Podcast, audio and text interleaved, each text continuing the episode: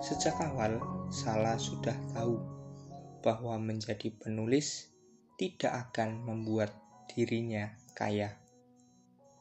Ia paham bahwa laku hidup menulis akan dekat dengan kesederhanaan jika tidak ingin dikatakan kemiskinan.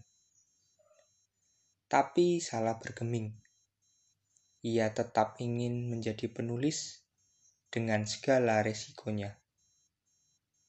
Lagi pula bagi Salah, tidak semua orang ingin menjadi kaya, termasuk juga dirinya.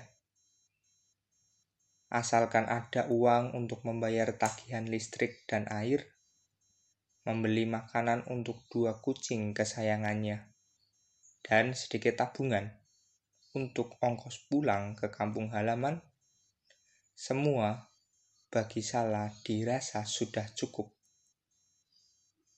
Salah tidak ingin menjadi kaya.